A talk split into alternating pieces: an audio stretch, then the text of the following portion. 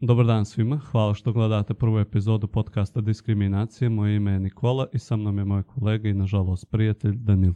Zadovoljstvo nam je da najavimo našeg prvog gosta, psihologa Radoja Cerovića, koji osim ogromnog iskustva u poslovnom konsultingu se bavi i oblastima kulture i komunikacije iz pristupa evolucione psihologije. Dakle, obrađivali smo jednu temu koju mi jako volimo, a to je kako neki nesvjesni psihološki, pa čak i biološki, evolucioni mehanizmi oblikuju ponašanje, ali ponašanje ne ovoga ili onoga čovjeka, nego ponašanje cijelih društava, cijelih država i nacija.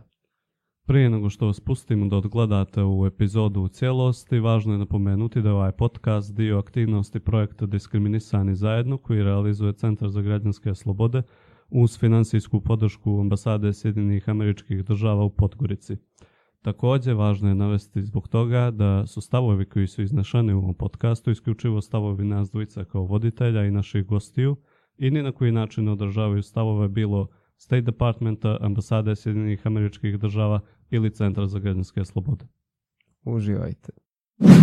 Znači, postoji ta crnogorska karakteristika viševjekovna da obožavamo ideologije, bez obzira na tu sadržinu, i nacionalni identitet, religiju i tako dalje. Čak danas e, političkim narativom kao što Americi vladaju demokrati i republikanci, kod nas vlada nacionalni identitet. Iz konteksta kulture koja se razvija, koji su psihološki faktori koji su doveli do toga? To su izuzetno duboki psihološki faktori i to je ono što je u suštini istorija politike kroz istoriju čovječanstva, a to je pitanje identiteta, pitanje simbola, identifikacije sa simbolima, pitanje zaklanjanja iza tih simbola, stvaranje alijansi oko tih simbola, pitanje osjećaja nemoći koju pojedinac ima i potrebe da se veže za nešto što je veće od njega i također potrebe da pokaže lojalnost tom nečem što je veće od njega. Znači, svi ovi mehanizmi koje sam sad ovako nabacao, u stvari su ono kako mi funkcionišemo kao vrsta. Mi smo primati. Ako smo primati, mi smo nekad živjeli u čoporima. Ti čopori nisu bili tako veliki kao i današnji, ali smo živjeli u čoporima. I ako mi gledamo naše najbliže srodnike kao što su recimo šimpanze, oni su jedna vrlo fina vrsta ovako, patrijarhalna, nasilna do krajnjih granica, opasno hijerarhijska, politički hijerarhijska. Pazi, to znači, šta to znači? Politički hijerarhijska znači da nije najjači šimpanza glavni šimpanza. Glavni šimpanza je onaj koji ima oko sebe najveću grupu najjačih momaka. I sa njima razmjenjuje usluge. On ih okuplja, on ih podmiti da budu uz njega, da bi njihov klan bio najjači. Što strašno liči na način na kako se u nekim zemljama politika ovaj, odvija. Znači, mi u stvari te programe nismo izmislili. Nije to ljudska tvorevina. To su programi koje mi vučemo od šimpanzi. I od, ne samo šimpanzi, ali posebno od šimpanzi. Vidite, nisam čak ni telefon isključio.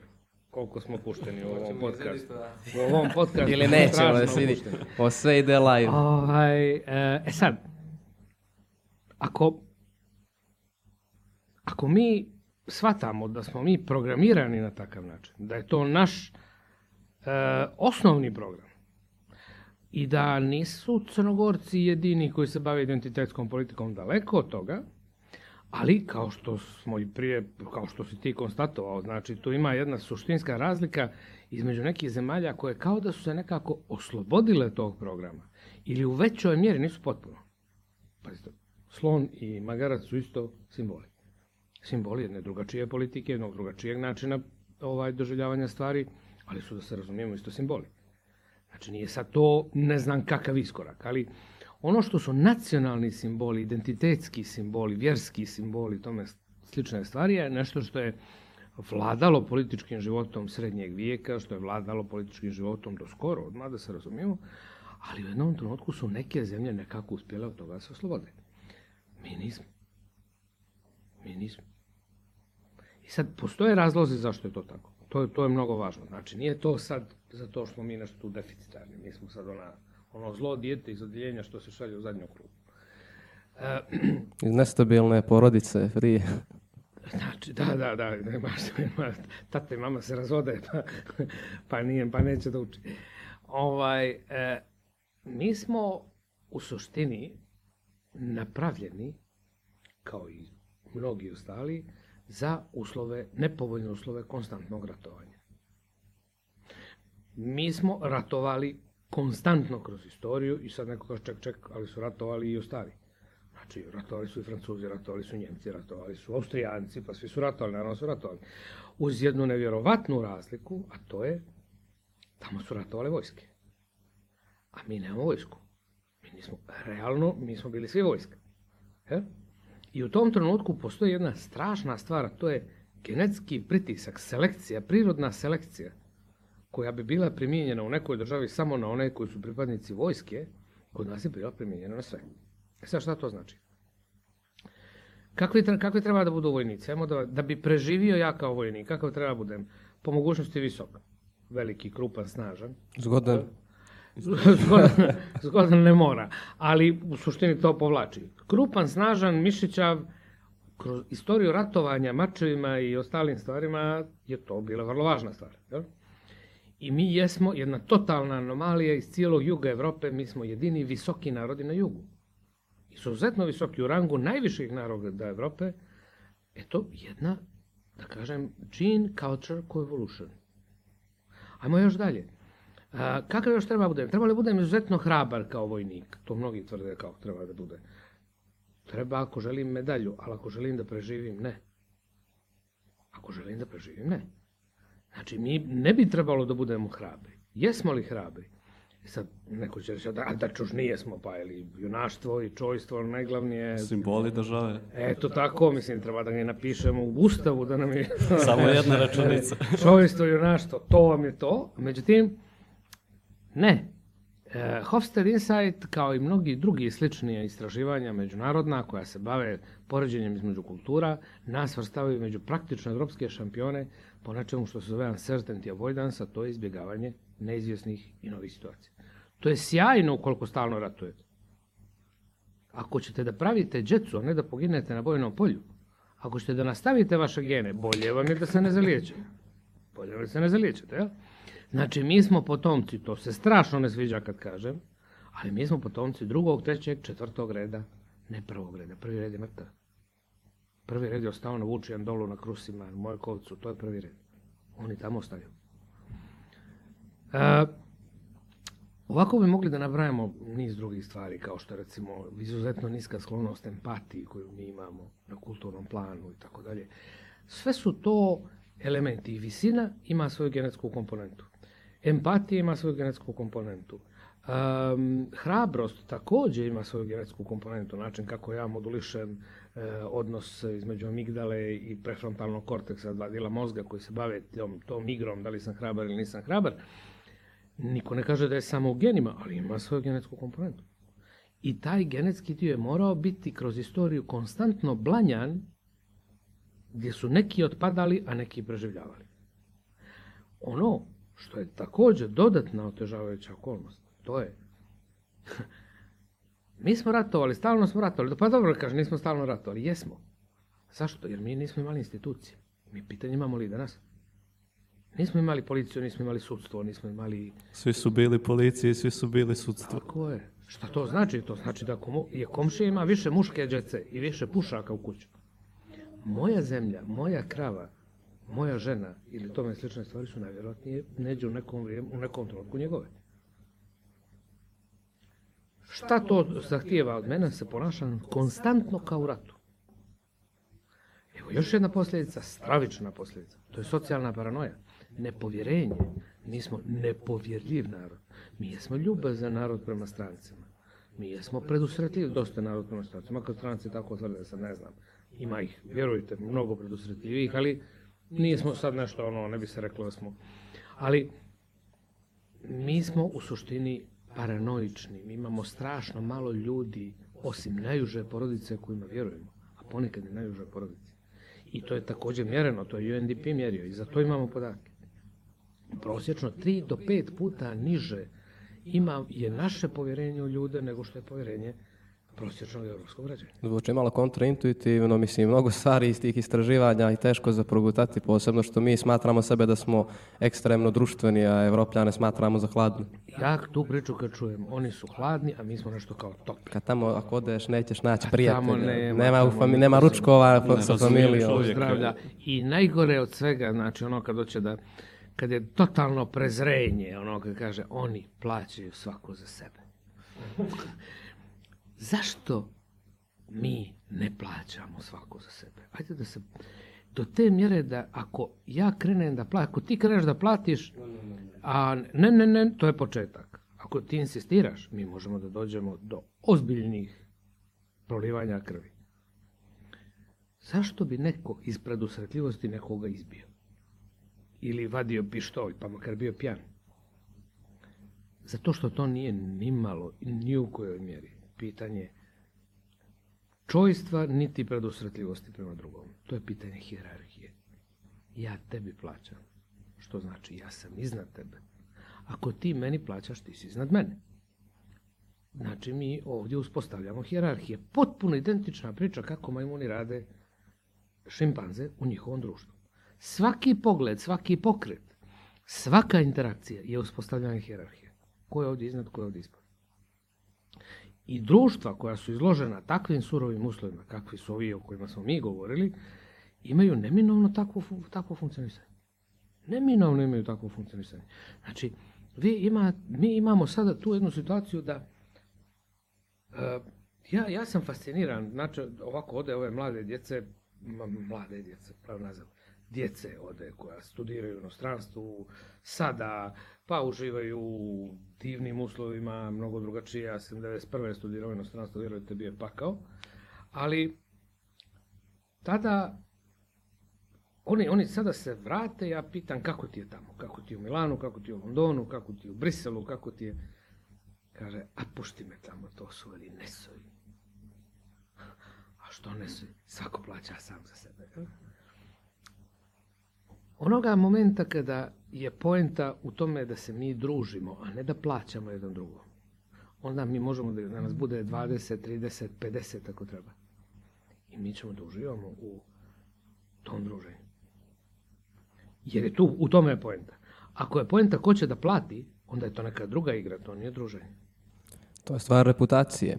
Jedna dodatna teorija koja objašnjava takvo ponašanje, takozvana teorija kultura časti, vođena istraživanjima iz Amerike, gdje su u južnim predjelima, gdje se ljudi primarno bavili stočarstvom, pronašli ogroman broj ubistava iz eh, odmazde nasilja, eh, ubistava zbog uvreda je čak institucionalno zakoni za uvredu su bili mnogo blaži nego u, u regionima gdje, gdje se nisu bavili time nego poljoprivredom. Tu se vraća čovjek na Ako- reputaciju. Kao, Nemam institucije sistema, a nemam. Ja moram da imam neki kodeks.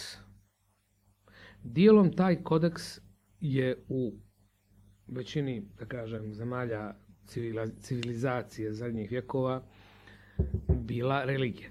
Religija je davala neki moralni kodeks. Mi smo izmislili, jevreji su prvi izmislili takozvane moralizing gods. Znači Boga koji se bavi moralom i koji taj moral pod prijetnjom prstom nameće drugima. Gledam te i nemoj da pazi dobro što radiš. Ja? Moralizing God su svi, sve monoteističke religije. I hrišćanski bog, i jevrejski bog, i islamski bog su na neki način moralizing gods. Te stoga je to bio jedan sjajan alat u jednom trenutku da se napravi kontrola. Da se iskontroliše, da bude to sve ovaj, koliko je moguće. Pazite, policija sve da imam ne dolazi svud, ali Bog sve vidi. Poenta je da Bog sve vidi. ispod, I ispod pokrivača sve vidi. Ali, e, naravno da, e, kako da kažem, to nije moglo u svim društvima da funkcioniše na isti način. Prvo, penetracija samog religijskog načina razmišljanja nije uvijek bila na isti način zastupljena. Vi, vi ste imali države kao što je bila Crna Gora u kojima je struktura klera bila takva da je u suštini penetracija onoga što je stvarno, ajde da kažem, teološko razmišljanje ili doktrina je bila na granici nepostojećeg. Jel? E sad, šta se da, onda u takvim državama se ili u takvim sistemima se rađa kodeks časti. kodeks časti koji treba da nadomjesti, koji je neka vrsta, da kažem, komplementa, opet je, da kažem, kulturna tekovina, opet je neka vrsta, da kažem, nepisanog zakonika, ali zna da bude neuporedivo jači od pisanog zakonika. Gdje imamo u Evropi dan danas kodeks časti? Recimo na Siciliji. I vrlo je važan pojam čast, na koju se mi također često pozivamo. Mafijaš, šef mafije, bos, don, je uomo donore, ili kako kažu sicilijanci, uomo donože. Donože. Donože. E, uomo donože znači čovjek od časti. I ja kao dijete težim da budem osoba od časti, te stoga što mogu prije pristupam. Šta nam to govori? To nam govori da je čast, svaka čast je u odnosu na nekoga koji je to nazvao čašću. Znači, u odnosu na ono što su uslovi života, u odnosu na ono što su ciljevi te zajednice, se definiše čast. I sada, mi smatramo da je recimo časno poginuti za državu. Tako je. Mnogi Njemci su u drugom svjetskom ratu časno poginuli za treći svjetski raj. Vrlo časno. I smatrali da je to njihova časna dužnost. Ja? Japanci su napravili strašni pokolj u Nankingu, užasni i vjerovatno smatrali to aktom časti.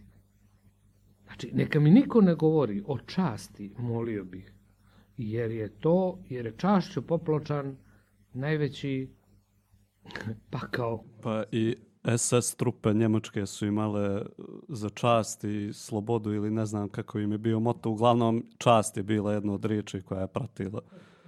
I ovo što ste pomenuli za to da taj takav upotreba na taj način tog uh, motiva časti dolazi sa Sicilije, što prilično ovaj opet karakteristično za mediteranski. Ako ne dolazi sa Sicilije, danas je naj očiglednije. Da, ali ono vidi se ta veza tog mediteranskog mentaliteta. To je to Blago nas. Između, nam. između ostaloga pronašli su tu kulturu časti ovdje kod nas, Sicilija, Turska i obično bliski zemlje, isto. bliski isto zemlje koje spadaju pod uh, kulturu časti, koji imaju, imaju veoma, veoma razvijen organizovani kriminal. U tome su genijalni. Nisu genijalni u građanju to institucija, je prosperiteta. Evo, evo o čemu se radi. Da bih ja imao nešto što se zove vladavina prava. Pazite, evo, ajmo korak nazad. Korak nazad. Ljudska vrsta ima dva seta programa, dvije cijeline programa. Jedni su takozvani kompetitivni. U njima je agresija, ubijanje, težnje za hirarhijom i tako dalje. A ovi su, drugi su kolaborativni. Sposobnost saradnje, sposobnost otvaranja, povjerenja i tako dalje. E sad, neđe u toj sivoj zoni između smo sva društva ovoga svijeta sa nekim oscilacijama lijevo-desno, međutim, kad se vi nalazite tu u toj zoni između, imaju one situacije u kojima ja sam veoma odgovoran i idem sve po zakonu kad me neko gleda. Ako me niko ne gleda, ne moram valjda i onda po zakonu. No? Mogu da bacim cigaretu u lift kad nema nikoga u liftu. U nadi da kad otvorim lift neće ući. I da nema kameru. I da nema kameru. znači, pitanje da u jednom trenutku uh, je, kako da kažem, poštovanje pravila je nešto što mora da bude enforced. Znači, neko mora to da vidi i da ga unese u moj sistem reputacije. Šta to znači? Svak, svaki prekršaj koji je vidljiv narušava moju reputaciju, meni je reputacija strašno važna, pogotovo u hjerarhijskim sistemima. E sad, Šta je vladavina prava? Koliko god ona bila neki ideal koji, da se razumijemo, nigdje ne postoji u apsolutnom smislu, da se ne, da se ne zavaravamo, ali negdje postoji više nego kod nas. To definitivno ima prostora. E sad, to je onaj osjećaj da ja pripadam nekoj cijelini, da smo mi povezani između sebe i da e, ako ja učinim nešto nažao da kažem, zajednici, ja činim i sebi na taj način, nažalost. Ako ja skratim uglove, ako ja ne idem onim travnjakom ovako, nego malo pre, pre, pre, prepriječujem preko travnjaka, ja? dobro, ja sam stigao brže, ali osjećaj pripadnosti zajednici, čiju sam zajedničku imovinu narušio, me u tome zaustavlja. Ovo je, gospodo, jedna vrlo skora tekovina u našoj civilizaciji. I vrlo malo društava na svijetu ima tu tekovinu. Vrlo malo društava je doseglo taj nivo. I mi smo neđe kucamo na vrata, u predvorju smo, imamo još da klackamo dotle i tako dalje. Jesmo li bolji od nekih? Jesmo. Jesmo li tamo? Nismo. Međutim, to nije i ja se strašno ljutim kada čujem vrlo često nevladine organizacije koje žele da ajde da promovišemo vladavinu prava. Čime? Kampanja za vladavinu prava. Ma nemojte da pričamo priču. Ma nemojte da pričamo. Prvo moramo da je definišemo. To izgleda, to meni uvijek izgleda kad dođe do neke izjave, trebaju nam inkluzivnije i demokratske institucije, treba da promijenimo mentalitet. Izgleda mi kao da čovjek dođe de, osobi koja boluje od depresije i kaže, ajde, što ti malo ne razmišljaš pozitivnije? Malo Izađi malo napolje. Prošetajmo. Prvo moramo da definišemo, a onda moramo da shvatimo da dolje u dubini, ispod svega, postoje mnogo jači instinkti nego što je nečija kampanja za vladavinu prava. Znači, ti instinkti čine da negdje, pazite, postoji jedna strašna stvar koju naši ljudi nikako ne mogu da razumiju. Zašto šveđani kupuju ekološke aute kad ih koštuju skoro pa duplo? Zašto bi ja uložio toliko da moj auto ima na neki način da manje zagađuje. Ako je moj doprinos zagađenju ove planete toliko minoran da je to smiješno. Kao da sam pljucnuo u more, pa eto kažem nešto. Zagađivač. E, zato što se osjećaju povezanima.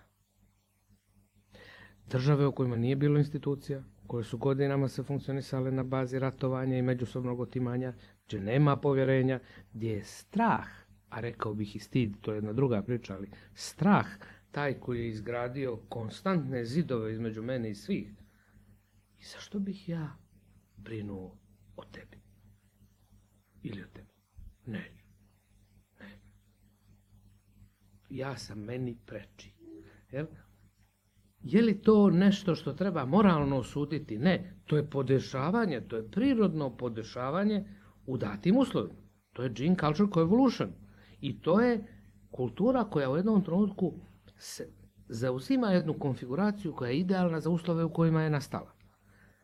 Da li su ti uslovi u ovom trenutku takvi ni, ni izdaleka? Ne daj Bože da nas od nas očekuje prije svega sposobnost kolaboracije, prije svega prevazilaženje svih ovih identitetskih i ostalih razlika, prije svega sposobnost stvar inicijative, leadershipa, otvaranja ka drugome da bi drugi meni vjerovao da bi svi zajedno pošli ka nekom zajedničkom cilju. Če? O čemu pričam? Crna Gora nije napravljena za to. Da li to znači da Crna Gora nema spasa? Daleko od toga ali ojačati one koji su u stanju takve stvari da urade bi trebalo da bude prioritetna, oni su izuzetno rijetki u Crnoj Gori. I to bi trebalo da bude prioritetna stvar obrazovnog sistema. I ne, i ne samo obrazovnog sistema, nego kompletnog sistema upravljanja ljudskim kapitalom i ljudskim resursima. Oni koji mhm. pokreću poslovne inicijative, oni koji prave startupove, oni koji su kreativni, oni koji se bave naukom, oni koji se bave tehnologijom, oni koji nas prebacuju preko, preko rijeke Styx i vraćaju nas iz pakla uh, u, u, u srednjeg vijeka u nešto što bi mogla da bude jedna kolaborativna Evropa. Jedna Evropa u kojoj meritokratska Evropa, jedna Evropa u kojoj se razgovara, u kojoj se dogovara, ne pljuje se komšiji na Jedna od teorija koja objašnjava kako dolazimo do toga postavljena je na način da vladavina prava i optimalno alocirani resursi objašnjavaju prosperitet nacije. Ali njihove teorije, sad će, sad će ovaj bolji dio, da do toga dolazi i da je to predodređeno potpuno slučajnim faktorima. Zemlje koje su najprosperitetnije, Velika Britanija, USA, Japan, Australija, da, su, da je to iz prostog razloga što su imali takve faktore potpuno slučajne koji su doveli do toga da moraju to da razviju. Na primjer, uh, kuga u Londonu koja je dovela do toga da su radnici mogli da pregovaraju za bolje uslove. Amerikanci koji nisu htjeli da plaćaju porez, Japanci koji su imali međi restoraciju zbog inostranih uticaja i tako dalje. kako, koliko mi moći imamo da lociramo sad te faktore u ome dobu brzih informacija da bismo prilagodili sebi sredinu. Može li to da se razvije? Naknadno je lako biti pametan. Znači, prepoznati neke faktore naknadno. hm? Da, ja čisto sumnjam da su u vrijeme kuge vjerovali da je kuga jedan prosperitetni, potencijalno prosperitetni faktor i, i uticaj, ali znamo da je i tekako bila. hm? E, ja bih ovako rekao, da, tačno je da postoji niz slučajnosti koje su kroz istoriju apsolutno opredijelile. To su strašno čudne slučajnosti i to je fakat. Recimo, mi imamo jednu interesantnu stvar u domenu Gene Culture Coevolution, a to je sposobnost preživljavanja, sposobnost, naša sposobnost da stvorimo što je moguće veću količinu kalorije da nam one budu dostupne. Mi, kao i ostali sisari, nijesmo baš napravljeni da poslije u odraslom dobu pijemo mlijeko. Ja? Međutim, postoje civilizacije, postoje populacije koje su tu sposobnost na neki način razvile, vjerojatno nekim slučajnim rekombinacijama, i onda je ta sposobnost dovela do činjenice da vi možete da budete i snažniji, i jači, i inteligentniji. Jer, pazite, a, mozak zahtijeva hranu. Vi ne možete u ekstremno siromašnim uslovima da, da selektujete za, za inteligentne ljude ili one koji imaju neke velike mozgove ili što ja znam. Jer to užasno puno troši kalorije. Te stoga ta sposobnost u jednom trenutku da koristimo mlijeko je neke populacije, Evropu prije svega, apsolutno lansirale. Jer je odjednom smo sve manje i manje zavisili i, ili kalorije su bile sve manje i manje problematične. Međutim, da li je neko sad mogao da odluči da se to dogodi upravo u najvećoj mjeri u Evropi? Mi dan danas imamo azijske populacije koje jednostavno ne mogu da piju mlijeko. A, naravno da nije. Ali mi je interesantno kako su se određene srećne okolnosti stalno u određenim dijelovima planete. Pa da, meni je to uvijek fascinantno. Tako je. Eto, to je ne- nešto što dolazi direktno iz našeg prirodnog okruženja i nešto što mi ne uzimamo kao faktor. Ono, zašto, bi, un- zašto bi jedna civilizacija bila uspješnija od druge, od druge jer jedna nema toleranciju na laktozu.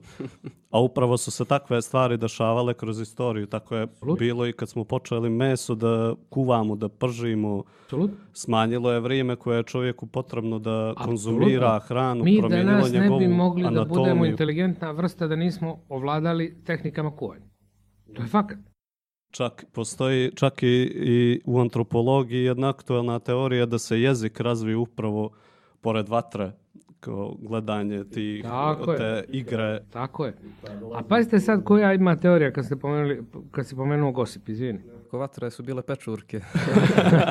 Dobro, i Stone ne, ali ja bi ja bi se zadržao na jednoj manje ovaj vršno ortodoksnoj teoriji. To je zašto je nama trebala trebao jezik? Aj sad ovo kaže, dobro. Trebao nam je da stvorimo kumulativnu kulturu. Šta je to kumulativna kultura? Pa mi ne krećemo s nule. Ja mogu na bazi jezika, prvenstveno na bazi jezika, da pohađam školu, da mi roditelji objasne, da mi zajednica objasni i ja sada mogu da koristim neku tehnologiju. Zamislite, krećemo, svaka generacija kreće s nule. Što bi bilo apsolutno tako da nemamo jezik. Međutim, sad se postavlja jedno pitanje. Kako je došlo do, tog, do te nagle prednosti u procesu selekcije? Kakva je to kumulativna kultura u prvih nekoliko generacija kada je došlo do mutacije tog gena, zove se FOXP2, koji je omogućio nama da stvaramo neki protojezik, neki početak jezika. Šta smo mi to tada mogli da prenesemo? Tako bitno. Pretpostavka je trač, lajanje iza leđa i omalovažavanje drugoga. Kaže, zašto bi to bila tako strašno važna stvar? Sve zajednice primata su hirarhijske zajednice. Imaju svoju hirarhiju. Strašno je važno da shvatimo ko je s kim dobar i ko je na kom nivou, jer u protivnom ćemo da poginemo. Biti nepažljiv u zajednicama primata, ako sam ja omega, a ponašam se kao gama ili kao beta, ja sam mrtav omega. Mrtav, da mrtvi bit ne mogu. Znači, ja moram dobro da znam s kim se družim i kome se zamjeram. A jezik je bio sjajan mehanizam da se to definiše. Znači, on je bio i gosip, znači prepričavanje, ovaj je s ovim dobro, ovaj je s ovim, je bio, je dao odjednom nevjerovatnu prednost. Ja? To je isti razlog zašto smo mi opsjednuti gosipom. Zašto postoje tone štampe koje se samo tim bave. Čitava pop kultura nam počiva na Da, da, tračevima. da. Star system, e, reality, sve se zasniva na tome. Zašto? Zato što smo hakovali nešto što je naša prirodna tendencija. Znači, ti proizvodi su hakovali naš mehanizam, prirodnu tendenciju da smo opsjednuti, da znamo ko je s kim dobar, ko se kako kreće. E, jezik je izvorno dao ogromnu prednost. Zbog toga, tek kasnije je jezik dobio konotaciju spektakularnu konotaciju nečega što nam je omogućilo stvaranje po prvi put u istoriji i po prvi put na planeti nečega što se zove kumulativna kultura. Međutim, ima jedna stvar koju ljudi ne znaju. Mi jesmo de, neminovno najinteligentnija vrsta na planeti, to stoji. I naše mozak je rastao, pogotovo ovaj prefrontalni korteks je rastao e, proporcionalno sa veličinom zajednice u kojoj smo se mi kretali. I mi to danas imamo i među drugim primatima. Što je veći prefrontalni korteks, to je veći čopor u kom on može da živi. Jer on mora stalno da računa određene socijalne. Međutim, dogodila se jedna strašno interesantna stvar. Prije 3000 godina, znači ne tako davno, nego skoro, je došlo do naglog smanjenja veličine našeg mozga. I to je drastično i vrlo jasno smanjenje. Ja se ne bi usudio sad da kažem o kojim procentima govorimo, ali su dvocifreni. Zašto je došlo do toga? Je li možemo reći da je prije 3000 godina a, inteligencija postala manje bitna stvar? E sad, postoje razne pretpostavke zbog čega. Ali, jedna od tih pretpostavki je e, reliance on collective intelligence. Znači, u jednom trenutku su naša društva postala tako organizovana da ja da bih funkcionisao ne moram da budem i ratnik i stolar i pekar i sve ovdje, nego mogu da se specializujem za jednu stvar. Što moj mozak opasno rasterećuje. Da ne moram da razmišljam o nekim stvarima jer su nastale neke protoinstitucije sistema. Postoji neka organizacija koja je u jednom trenutku je takođe i samo preživljavanje više nije zahtijevalo toliko od mene. Iako je sve više i više dostupnost kalorija bila stabilna i mi nismo morali da se brinemo da li će naš preveliki mozak da nas izgladni, ja? ali u jednom trenutku on nije morao, definitivno nije morao da bude toliko veliki. Da li se nešto slično danas događa? Mi danas imamo nešto što zove Flynn efekat, a to je jedno konstantno povećanje koeficijenta inteligencije, prosječnog koeficijenta inteligencije u ljudskoj populaciji, koji ide, ide, ide, ide naprijed, osim što poneđe ide nazad. Recimo u Sjedinim državama mi imamo zaustavljeni Flynn efekat zadnjih nekoliko godina. Mi ne vidimo to povećanje. Jel? Da li smo u susret, da li idemo u susret zbog možda društvenih mreža ili tako nečega, nekom novom smanjenju ljudske sposobnosti, inteligencije, što je daleko od bilo kojeg predviđanja. Mi jednostavno to, mi smo očekivali neki konstantni rast mozgova, da ćemo jednog dana da izgledamo kao oni, kao oni vanzemaljci iz filmova sa Da, olikim ima, imat ćemo po dva metra veće Tako glave. je, tako je, a glave ima onako da nosimo po dvojica da pridržavaju glavu.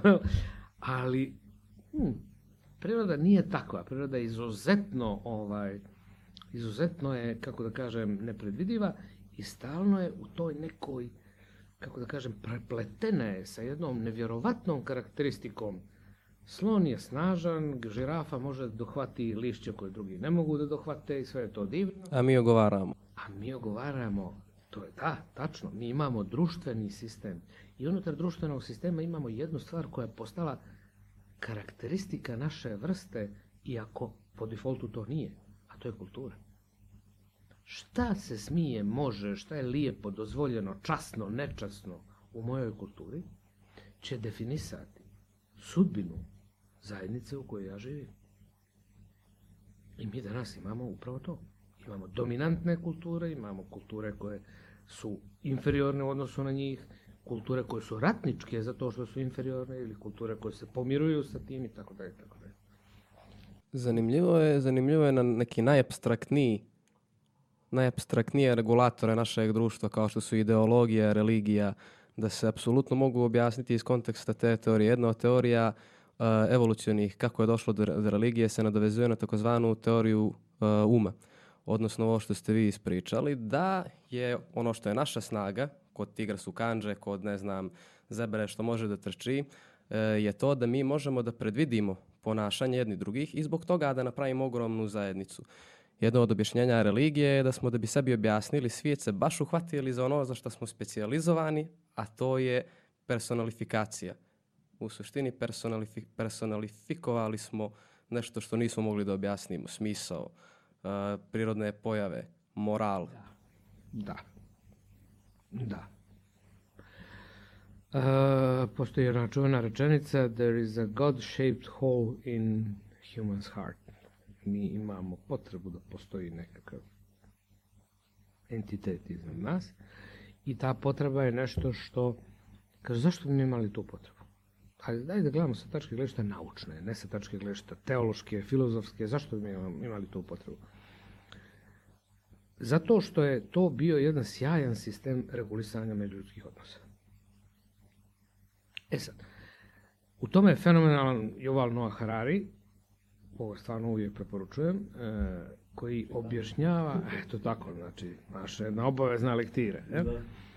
Koji jednostavno objašnjava kako je došlo do te, do te evolucije bogova, kako su od animističkih vjerovanja gdje je bog u travki, u drvetu, u rijeci i tako dalje, preko politeističkih ubjeđenja kao što su grčka, rimska i tako starogrčka, starorimska, do tih moralizing gods kakve su monoteističke, do današnjih uh, ili skorašnjih ideja o um, uh, New Age-u, gdje je nekako Bog preseljen u čovjeka, sad sam ja Bog, ja sam homo deus, jel?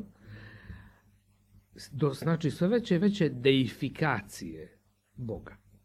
E sad, vraćamo se na pitanje oko šta je, zašto je u jednom trenutku religija bila, ima predivna knjiga koja zove The Darwin's Cathedral ili Darwinova katedrala od uh, Davida Slona Wilsona, koja objašnjava koja je to nevjerovatno važna uloga koju su religije igrale kroz istoriju. I zašto su ljudi koji su skloni da budu vjerujući selektovani kroz istoriju. Znači, oni su genetski selektovani, oni koji su imali tu neku sposobnost da bezrezervno vjeruju u postojanje nekakvog Boga, čak po cijenu da, da, da time potru svoju logičku sposobnost razmišljanja. Mi danas, mi danas možemo se fasciniramo do koje mjere neko ko je recimo fizičar i ko može da vam raščlanjuje istoriju od Big Banga do, do danas, kad taknete Boga, Vernon Heisenberg je popularno rekao kad krenete da pijete iz čaše prirodnih nauka, čeka vas ateizam, a kad popijete, na dnu vas čeka Bog. Tako je, i negdje kao da, kao da kako da kažem, um, fizička saznanja, saznanja u fizici od nekih 13,5 milijardi godina istorije svemira, jel, koja se opasno kose sa 6,5 hiljada godina ili 7 ovaj, od, od Adama i Jeve i njihovog slučajnog susreta.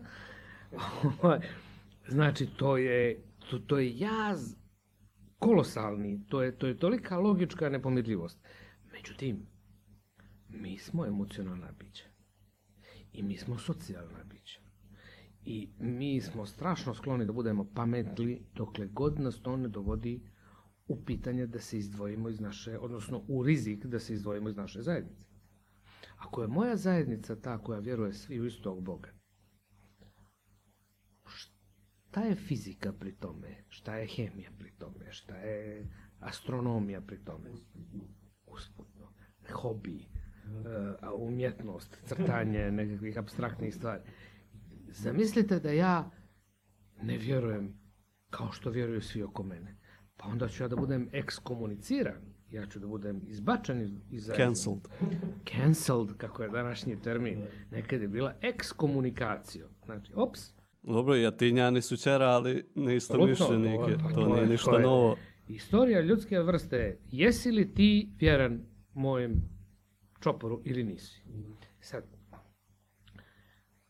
fenomenalna stvar. Ako želimo sutra da napravimo jednu religiju, to je strašan biznis. Fenomenalan biznis napraviti jednu religiju. Nije lako, ali je odličan biznis, ja? mnogo se dobro zarađuje.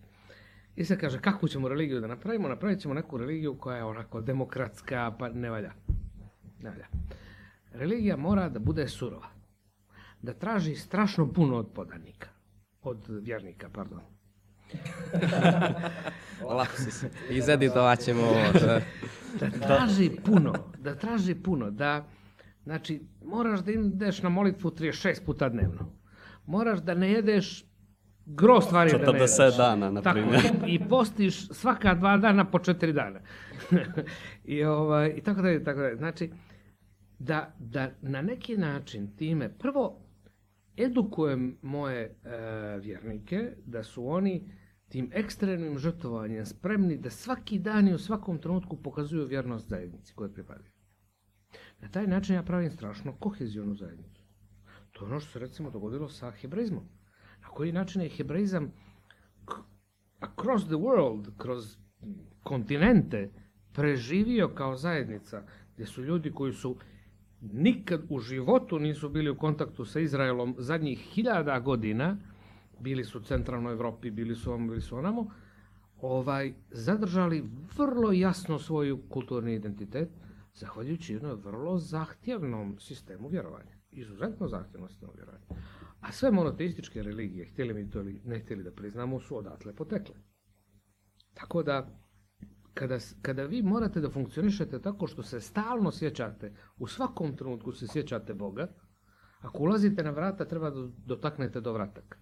Recimo, jedan od principa koji važi za Haside, e, e, e, ortodoksne jevrejske e, vjernike, ili kao u islamu da se pet puta pomolite, ili kao ima i hrišćanstvo svoje Ili u pravoslavlju isto kad se ulazi u crkvu, ljube se vrata, kad se izlazi ne smiju leđa da se okrenu. Tako je, tako je, tako je, tako je. Znači, što više tražim tim ljudima da se sjećaju Boga, nije poenta u Bogu, poenta je u tome da ja time pokazujem da sam spreman da se žrtvujem, da neću, da neću skratiti put.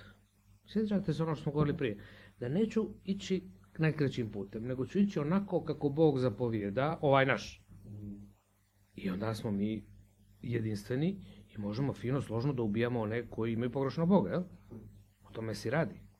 Nevjerojatno je koliko se religije i sva- svi sklopovi vjerovanja koji idu unutar određene religije prilagođavaju potrebama zajednice unutar koje su se razvijale. Mi ovdje imamo na Balkanu i to nam vlada narativom jednu tako izopačenu kombinaciju nacionalnog identiteta I, i religioznih vjerovanja. tako je, tako je. Ali to je, mislim, religije u Crnoj Gori bila taj kohezioni faktor i bile, ono, ta, to je taj bio vrh hijerarhije. Crk- Ima- crkve su monumentalne u Crnoj Gori, manastiri su monumentalni, a kad god čitamo opise iz 17., 18., 19. vijeka, Ima čuvena priča o 30, mislim, 7. ili 9. sad ne držite me za riječ, e, Mussolini napravi invaziju na Eritreju. I oni su pravoslavci. I kaže, e, sluša neka baba u nekom selu, sluša radio i priča se o tome kako je fašistička Italija napala tamo, osvajaju taj narod je nenaoružan, kako ginu i tako dalje. I ovaj, i pita baba sine, koje su vjere ovi što tamo ginu? A ovaj kaže, srpske baba. E, jadni Srbi svugdje ginu. tako da, a, ali to uopšte nije lokalna izmišljotina. Pazite. Znači, mi smo imali jedno rimsko carstvo koje je imalo apsolutno neinteresovanje većinom za to koje ste vjere vi koje osvajamo. Mi dovodimo, mi smo rimsko carstvo, mi dovodimo naše institucije sistema, mi imamo naše pretore, kvestore, senatore i ostalo i mi to uvodimo tu. A koga ćeš ti da vjeruješ? vi što god hoćete. Je problem. Nas to u suštini ne interesuje. I onda je, kaže Konstantin, u jednom trenutku, posle 300 godina razvoja hrišćanstva, vrlo aktivnog i rekao bi agresivnog proselitističkog stava koju su imale hrišćanske, rane hrišćanske zajednice, shvatio da je prvo to jedan pokret koji strašno brzo raste. A drugo, da to može strašno dobro politički da se iskoristi. Mi danas imamo vrlo ozbiljne dokaze da Konstantin nije uopšte bio hrišćan. Da mu padalo na pamet nije da vjeruje u Isusa i u hrišćansku vjeru, nego da je bio vjernik jedne religije koja se zvala Sol Invictus, vrlo raširena u to vrijeme u, hrišćanskom, u Rimskom carstvu, čiji je bog, vrhovni bog, bog Mitra. Bog Mitra je rođen negdje otprilike 25. decembra, jer je bog rađanja sunca. A sunce počinje se rađa ponovo na ravnodnevicu, odnosno na, od trenutka koje je dan najkraći, a to je upravo negdje tih dana. To je taj kult boga sunca koji je rasprostranjen kroz indoevropske narode. Nema nikakve logike da je po bilo kojem ukrštanju informacija Isus mogao biti rođen tada. Međutim, to nije smetalo Konstantinu.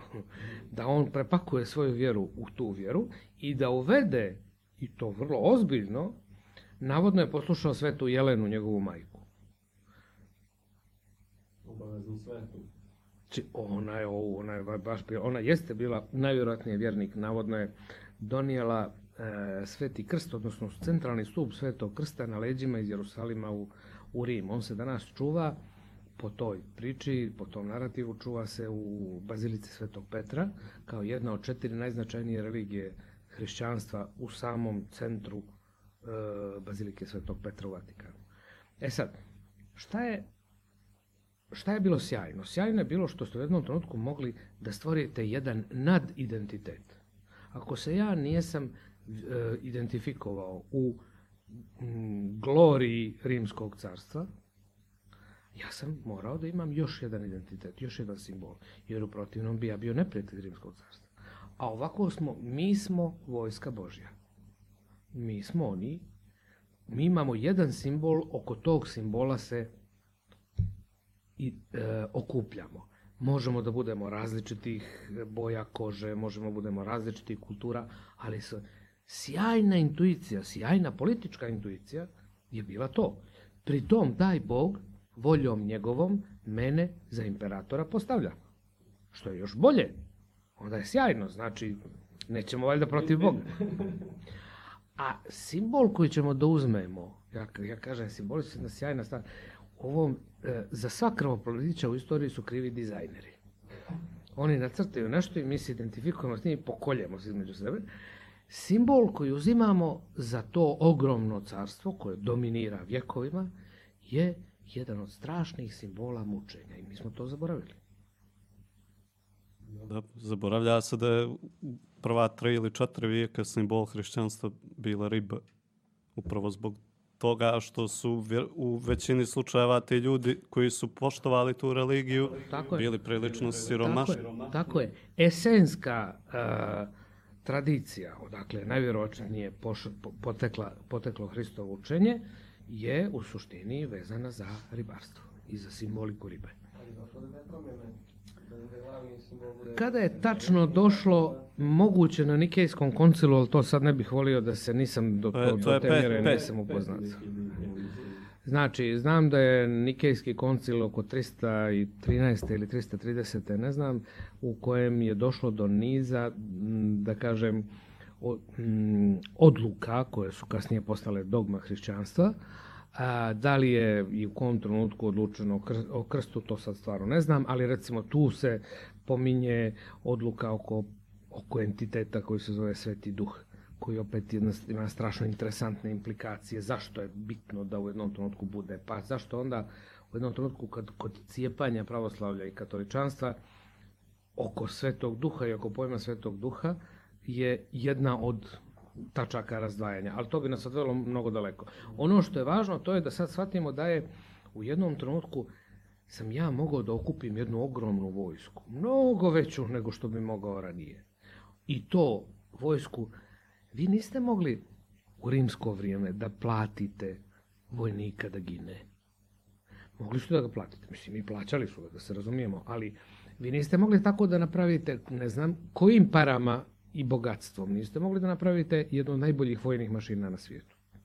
Oni su morali da vjeruju u nešto više od onoga što je bio njihov salario, salario je plata. Neko tvrdi da je ta plata se zove salario zato što je, su bili plaćeni solju. Ne mora da bude tačno, ali čak pod pretpostavkom da je tačno, zamislite da ja poginem zbog jedne vreće soli više ili manje. Zašto solju? Zato što je so konvertibilna valuta. Možete gdje god, kojem god hoćete dijelu carstva da ga zamijenite za bilo koje dobro. Jel? I onda ako imam soli, ja sam na konju gdje god da sam. Jel? E sad, znači bilo je potrebno vjerovati u nešto. Jedna od tih ideja je vjerujem u civilizaciju. Mi nosimo civilizaciju. Kao što danas Amerikanci nose demokratiju. Jel? Tako oni su, oni, oni su donosili civilizaciju. I oni su e, razbijali mrak varvarskih hordi, uključujući Slovene. Sklavorum su Sloveni. Sklavorum su robovi. Da, i, i u, sad i u nastavku ovih germanskih jezika slav, slave. Tako je, tako je. Znači, čuveni ljetopis popla Dukljanina je regnum sklavorum. Slovenski kao kraljevstvo. Znači, ili robov, robova. Jel? E sad, a, znači, postoji jedna superiorna civilizacija i postoji mrak i ja mogu kao vojnik da se identifikujem sa tim i da kažem idem da da, da, Da širim civilizaciju. širim civilizaciju. Ali u jednom trenutku se to potrošilo. Ne, potrošilo se samovoljom imperatora, potrošilo se raznim političkim trvenjima Da, koje pa su Rim je bio u konstantnom građanskom ratu i, i, i ti varvari, kako su ih oni nazivali, su sve više postajali dio njihovog stanovništva koje je živjelo Tako na je, toj teritoriji. Tako je, tako je.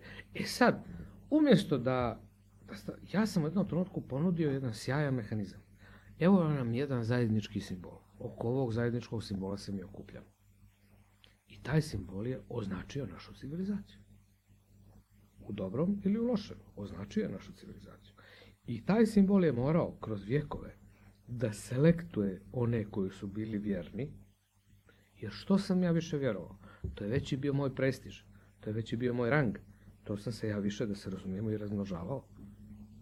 Uloge i zajednice koje su, ima, koje su sačinjavale od homogenijih vjerovanja i ideologija su imale veću vjerovatnoću da će kao kohezivnije da se razmnože, da će da prošire svoj utjecaj, da će da prežive.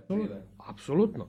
I onda je, i vraćam se na onaj postulat od prije, nije nam treba, ne treba nam neka demokratska religija u tome, treba nam surova religija, ona zahtjevna religija, ona koja će da, da se znojim svakog dana i da sam spreman za nju da ubijam. Jer to neka fina demokratska priča nije dobra za takve istorijske uslove. To možemo mi danas da klapimo New Age, pa svi se mi volimo, pa mi se tada nikako nismo voljeli. Pitanje je volimo li si danas? Malo, malo više. Pa, Ali više definitivno. nevjerovatno. Povezani smo. Čega bismo mogli da se dotaknemo je iz konteksta da nas individu je nevjerovatno. Uh, pominjali smo naučnike koji su religiozni. Nevjerovatno koliko osoba može da bude iracionalna i koliko može da koristi pristrasnost potvrđivanja da bi održala uh, ta vjerovanja. Zbog toga je Crna Gora jedan prezanimljiv kontekst tu. Mi se ovdje sastojimo od mi smo multietnička država, sastojimo se od više nacionalnih identiteta. Šta god Šta to god značilo. to značilo, ali nevjerojatno je da nasuprot Amerike to nije posljedica migracija. U Ameriku su dolazili narodi iz cijelog svijeta i oni jesu multietnička država. Ovdje kod nas, mi smo zadnjih ne znam koliko hiljada godina svi jedni te isti tu. Naše razlike su ideološke i danas je nevjerovatno koliko osoba koja podržava teoriju nekog objektivnog, bogom danog nacionalnog identiteta, može kroz istoriju da traži potvrde. Pogledaj, 1904. 99% Bilo je to bilo i to to. i to. A ne, Ovi su bili crnogorci, ne su bili Srbi. ne, su bili- 1918. Da, su da se od Austrijani okupirali smo. okupirali. Tad smo bili crnogorci, tad smo Srbi. Nevjerovatno je zašto se, kako se a, selektivno uzimaju momenti u istoriji i uzimaju se kao objektivan pokazatelj. Kao da to nije narod koji je I time ja želim da dokažem dominaciju mog e, identiteta u odnosu na tuđi identitet, naravno. Ali to je kako politika funkcioniše. I istorija je sjajna za takve stvari. Istoriju pišu pobjednici. I ako nemam jasnog pobjednika, budi spreman na krvoproliće. Ono, mi smo baš dosta pobjednika imali izgleda, s obzirom da se, da se ovo dešava. Pazite, znači, još jedna strašna stvar koja ovako može da djeluje. Ko se kako ja mogu da postignem da se što je moguće više ljudi sa mojim simbolom, koji god on bio, nije bitno, nacionalnim, vjerskim, identifikuje. Dužinom vladanja i surovošću vladanja. Što duže i surovije vladam, to će više ljudi imati koji će sutra biti spremni za taj isti simbol da poginu.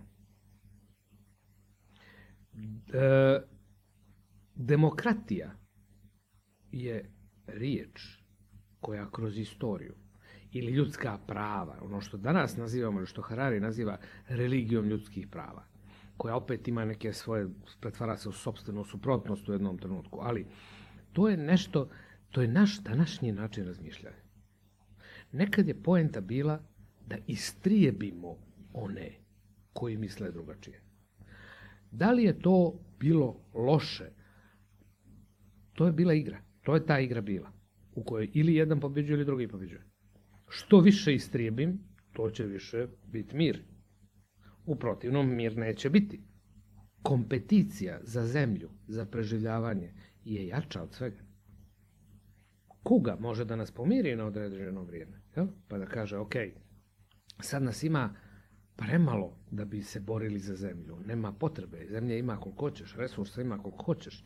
Jel? Ali onda se opet namnožimo. e sad, e, kako da kažem, e, ako, je, ako postoji nešto što je light motiv cijele ove priče, to je pokušaj da pokažem, u stvari zajedno o svemu tome, zajedno to radimo, svi trojica, da pokažemo da iza onoga što je zvanični način ili, ili, ili da kažem neki ortodoksni način zamišljanja istorije, političke nauke, e, ideologije i tako dalje, postoji nešto što je ispod toga i što je u stvari e, deus ex machina, što je onaj, onaj ko, koji pokreće pokreće... Znači, ovaj, stoji Bog. Tako je, tako je. E sad, tu taj koji pokreće marionete, koji pokreće svi, sve nas je u suštini set programa koji pripada šimpanzama. E sad, postoji jedna stvar tu. Pripada šimpanzama, pripada babunima, pripada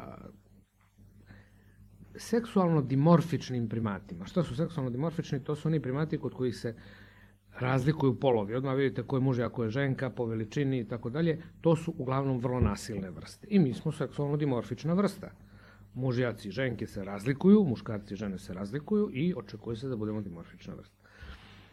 Međutim, mi imamo jednu strašnu genetsku sličnost sa još jednom vrstom, koja je skoro pa zaboravljena, skoro pa istrijebljena, živi praktično samo u sred građanskog rata u Demokratskoj republici Kongo, u jednoj velikoj, drugoj po veličini e, prašumi na svijetu, posle Amazona, to je ta u Demokratskoj republici Kongo, oni se zovu bonobo. Bonobo stravično liče na šimpanze i ko se ne razumije bi rekao to je šimpanze. Znači, baš je teško čak i ekspertima ponekad da ih razlikuju. Ali su u stvari dramatično različiti od šimpanzi po ponašanju. Oni su nevjerovatno nenasilna vrsta. Oni su nevjerovatno nehijerarhijska vrsta. Oni su majstori kolaboracije.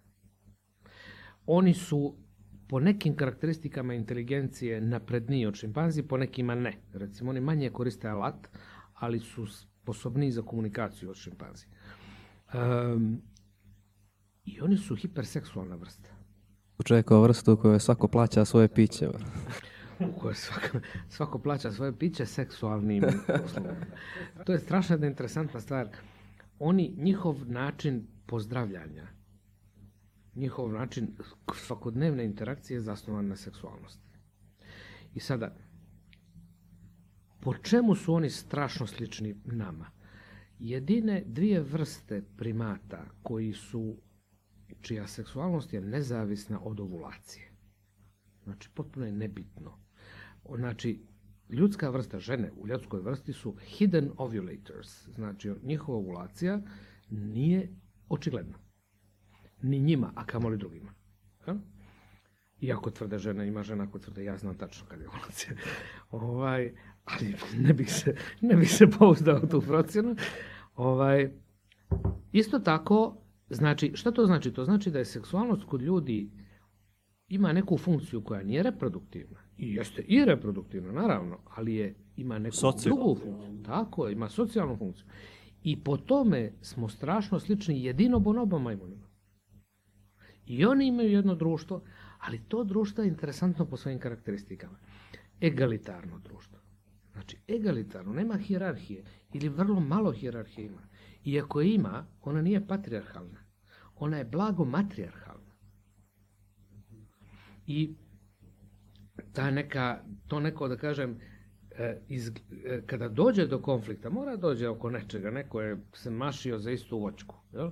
I sad tu bi mogli da se potučemo oko toga, gladni smo i jedni i drugi. Oni imaju instinkt da tu vrstu problema riješe tim nekim, ajde da kažem, mi ga nazivamo seksualnim kontaktom, to je nekako razne forme dogovor. maženja, maženja i tako dalje. Nenasilna komunikacija. E, mi imamo 2% genetske razlike i od šimpanzi i od bonobo majmuna. E sad, jesmo li mi šimpanze ili smo mi bonobo?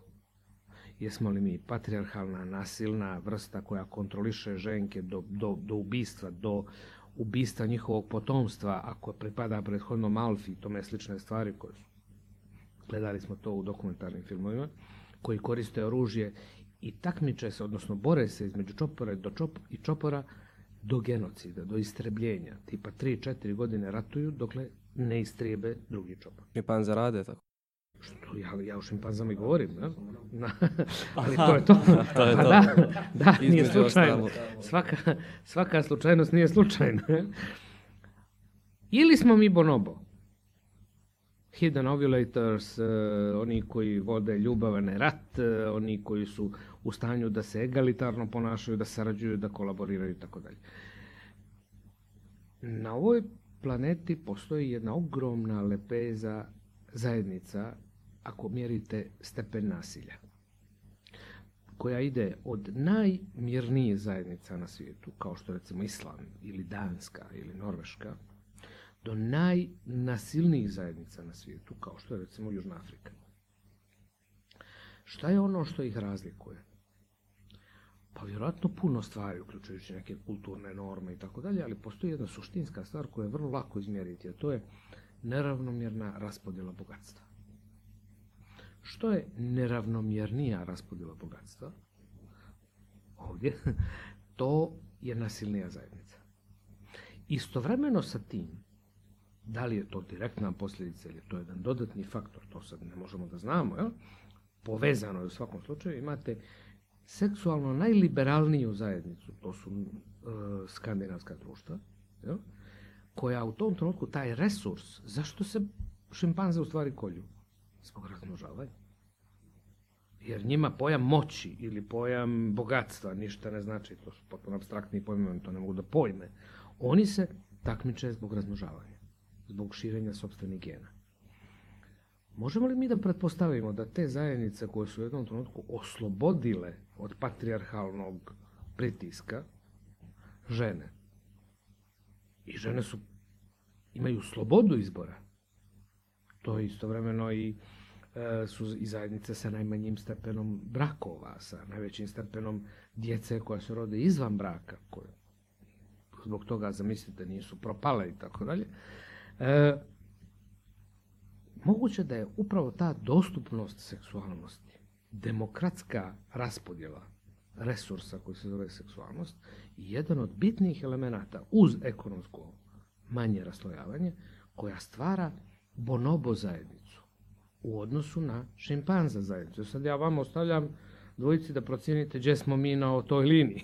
Jesmo li više šimpanze ili bonobo? Pa evo, mi smo isto između Islanda i Južne Afrike, rekao bih. E, mi smo na pola. Na pola puta. Na ovako, onaj Herceg Novi je put Island. Na primorje kad se spuštimo. Jest. Ova, jedna stvar onda da zaokružimo tu priču, među ostalog koju sam pročitao u vašoj budućoj knjizi. I još jedan faktor koji Ne to odvaja. spojlaj. ne spojlaj. još jedan faktor koji odvaja bonobo i šimpanze kao što odvaja sva društva i kulture koje smo pominjali, a to je bogatstvo resursa, gdje zemlje koje imaju i sredine koje imaju velike ono, resurse rasprostranjene, mogu da budu bonobo šimpanze, ne mogu, crnogorci ne mogu Tako da budu je. demok Tako demokratski je. nastrojeni. Jer, su, jer, je, jer je nedostatak resursa bio toliko e, prisutan kroz istoriju da egalitarni, mirnodopski, otvoreni i ostali načini funkcionisanja nisu mogli da budu primijenjeni. Da je preživljavanje žena bilo striktno povezano od nasilnosti njihovih partnera. Što nasilnijeg partnera imate, to je veća šansa da ćete preživjeti. Vi i vaše potomstvo. Jo? E sad, neminovno je, znači, da imamo dovoljne resurse za preživljavanje da bi mogli da razmišljamo o tim nekim bonobo zajednicama. Međutim, interesantno je da, da samo po sebi bogatstvo ništa ne znači, ili ne znači dovoljno. Raspodjela tog bogatstva znači mnogo više. Ako mi gledamo indeks nasilj, nasilnosti i indeks uh, i GDP per capita, ja? koreliraju, ali koreliraju, u mnogo većoj mjeri korelira jedan drugi indeks koji se zove Gini. A to je koliko je neravnomjerno raspodijeljeno bogatstvo. Što je neravnomjernije, to je veće nasilje. I to vrlo fino korelira. To nije moja, moje istraživanje, to smo već odavno ovaj, ustanovili i tu je posebno e, interesantan e, Richard Wilkinson i njegova knjiga, Richard Wilkinson i Kate Pinkett, njegova knjiga The Spirit Level, inače jedan od on, se, on, je, on sebe definiše socijalni epidemiolog. Ja? Ja Nešto što nam je potrebno. tako je, tako je. Ovaj, ovih dana se baš dopisujemo ovaj, častnije da imam prepisku upravo oko ovih teza sa njim. E sad, e, ako vi gledate, sad gledamo recimo Dansku, gledamo Norvešku, gledamo Island i vidimo da su to mirna društva. Vidimo da su to vrlo egalitarna društva i vidimo da su to vrlo seksualno slobodna društva. Sa druge strane, uh, skoro sva bogata društva, kad pogledamo, imaju vrlo mali Gini. Vr, skoro sve bogate zemlje nijesu raslojene. Švajcarska je minimalno raslojena, Island je nula raslojen i tako dalje, tako dalje. Oni čak imaju kulturne postulate kojima se raslojavanje prezire. Biti bogataš i pokazavi, pokazivati bogatstvo drugim riječima, ja ću tebi da platim, nećeš ti meni, je u skandinavskim državama uh, izvor prezira. Znači, ako tako radite, vi ste, postoji nešto što zove Jante Loven, ili zakon iz Jantea. Jante je u Danskoj, ali on važi za skoro sve skandinavske države, koji u suštini jedan dekalog koji govori o tome koliko mi cijenimo da smo isti, da smo jednaki, da smo na istom planu, da, da je isticanje e, loša stvar i tako dalje, tako dalje. Ima to i svoje negativne posljedice, ali recimo da zamislimo to. E sada, e, ajmo da gledamo Sjedinjene države i Kanadu. Sjedinjene države su jedan strašan izuzetak. Jedina bogata država koja je vrlo raslojena. I Velika Britanija, ali posebno Sjedinjene države. Znači, mi imamo bogatu državu koja je raslojena. I u odnosu recimo na Kanadu, koja je bogata država i koja nije raslojena. Šta je posljedica? Velika razlika u stepenu nasilja. Ogromna razlika u stepenu nasilja. Pređete tu neku neopipljivu praktično granicu i vidite potpuno drugačiji način razmišljanja, potpuno drugačiji atmosferu, potpuno drugačije ljude, a njih bogatstvo ne razlikuje nego raslojavanje. E, šimpanze i bonobo žive vrlo blizu. Između njih je rijeka Kongo. Ako bi šimpanze prešle na teritoriju koju štiti ogromna rijeka Kongo, stvarno ogromna rijeka, oni bi istrijebili, potpuno bi masakrirali onog majmuna. Znači, oni ne bi imali spas. Mi, oni su obje raširene, uh, ugrožene vrste, ali tipa šimpanzi ima deset puta više nego bonobo. Ja? Što znači da je vrlo lijepo biti miran, e, staložen, egalitaran, e, otvoren i tako dalje, tako dalje. Ali to nije uvijek kroz istoriju bila, nažalost, moguća opcija. Jer ako naiđete na one koji to nijesu, oni pobjeđuju. Da, pa upravo je tako vjerojatno homo sapiens i istrijebio sve ostale ljudske vrsta koje su se pojavile. I unutar homo sapiensa, nasilniji homo sapiensi istrijebili one manje nasilne. to su tek nastavili. Tako je, tako je. Tako je. E sad tu imaju čuvena takozvana kurganska pretpostavka o tome o postojanju nekih civilizacija koje su bile matriarhalne, mirne, egalitarne i tako dalje i da su onda iz stepa oko Ukrajine Da, da su došli došli malo nasilniji indoevropski narodi. i završili smo sa egalitarnim, promiskuitetnim i ostalim načinima funkcionisanja. Amerika je u svakom slučaju, kako god mi nalazili mane tom nesavršenom sistemu, kao što je svaki nesavršen sistem, ne postoji savršen, ali Amerika je i dan danas ono što je realno, da kažem, lider u definiciji demokratskih principa i ljudskih prava. Nažalost, ta Amerika je imala svoje ozbiljna pokleknuća, ajde da tako kažem, zadnje vrijeme. Ali koja zemlja nije na kraju kraja. Nije, jel? ali ovaj fenomen Donalda Trumpa je nešto što također može vrlo fino da se analizira kroz prizmu ovih, da kažem, naših rođačkih odnosa sa šimpanzama i sa bonobama i munima. A, ono što mislim da bi bilo možda re- dobro reći, to je da važno je shvatiti da mi ne možemo da preskočimo tek tako. Mi možemo vrlo brzo, mi možemo ubrzano da se krećemo, ali ne možemo da preskočimo pojam gene culture coevolution. Znači, to nije samo pitanje da ja izblanjam kulturu, da ja objasnim da je kultura sad takva ili da donesem neki niz zakona koji su pobogu sad u skladu sa akijem i sad ćemo mi da napravimo te... A, a, Onog momenta kada ja izađem iz lifta jel? i ostavim vrata otvorena jer meni više ne trebaju. Jel? Meni to više ne treba. To je to je mjera onoga da li ja ko egzistiram sa drugima, da li ja imam osjećaj povezanosti, da li ja imam osjećaj kolaboracije i tako dalje tako dalje. Posebno je u tome opet da kažem sva društva koja su nekolaborativna imaju taj strašan problem sa kontrolom ženske seksualnosti. Sva nekolaborativna društva imaju e, nekakav problem sa ženama. To su hjerarhijska društva, to su nasilna društva imaju strašan problem sa ženama. Kao da su ženske slobode neki strašni neprijatelj svake hjerarhije. I to je interesantno, to može vrlo fino da se vidi kroz, kroz bonobo šimpanza. Ovaj. Kod šimpanzi se žene, ženke ne pitaju. Kod bonobo se i kako pitaju. Jel? Jedni su nasilni, drugi nisu, jedni su patriarhalni, drugi nisu. A, moguće da je to upravo neka, kako da kažem, prirodni naš, naša lepeza. jel? I da zavisno od uslova mi idemo kao ome ili kao onome. Ali mi smo do skoro živjeli u uslovima koji su apsolutno za šimpanze. Pa da vidimo koliko će nam trebati generacija da se izblanjamo ako se ništa ne dogodi umeđu vremenu, a boga mi, boga mi se nešto Pozitivna stvar da se možemo da zaključimo na kraju je priče što mi imamo ono što šimpanze nemaju, a to je kultura kojom i abstraktni načini organizovanja društva koji mogu mo- da ubrzaju možda taj proces. Tako je, tako je. Geni sporo evoluiraju, ali kultura može strašno brzo da evoluira.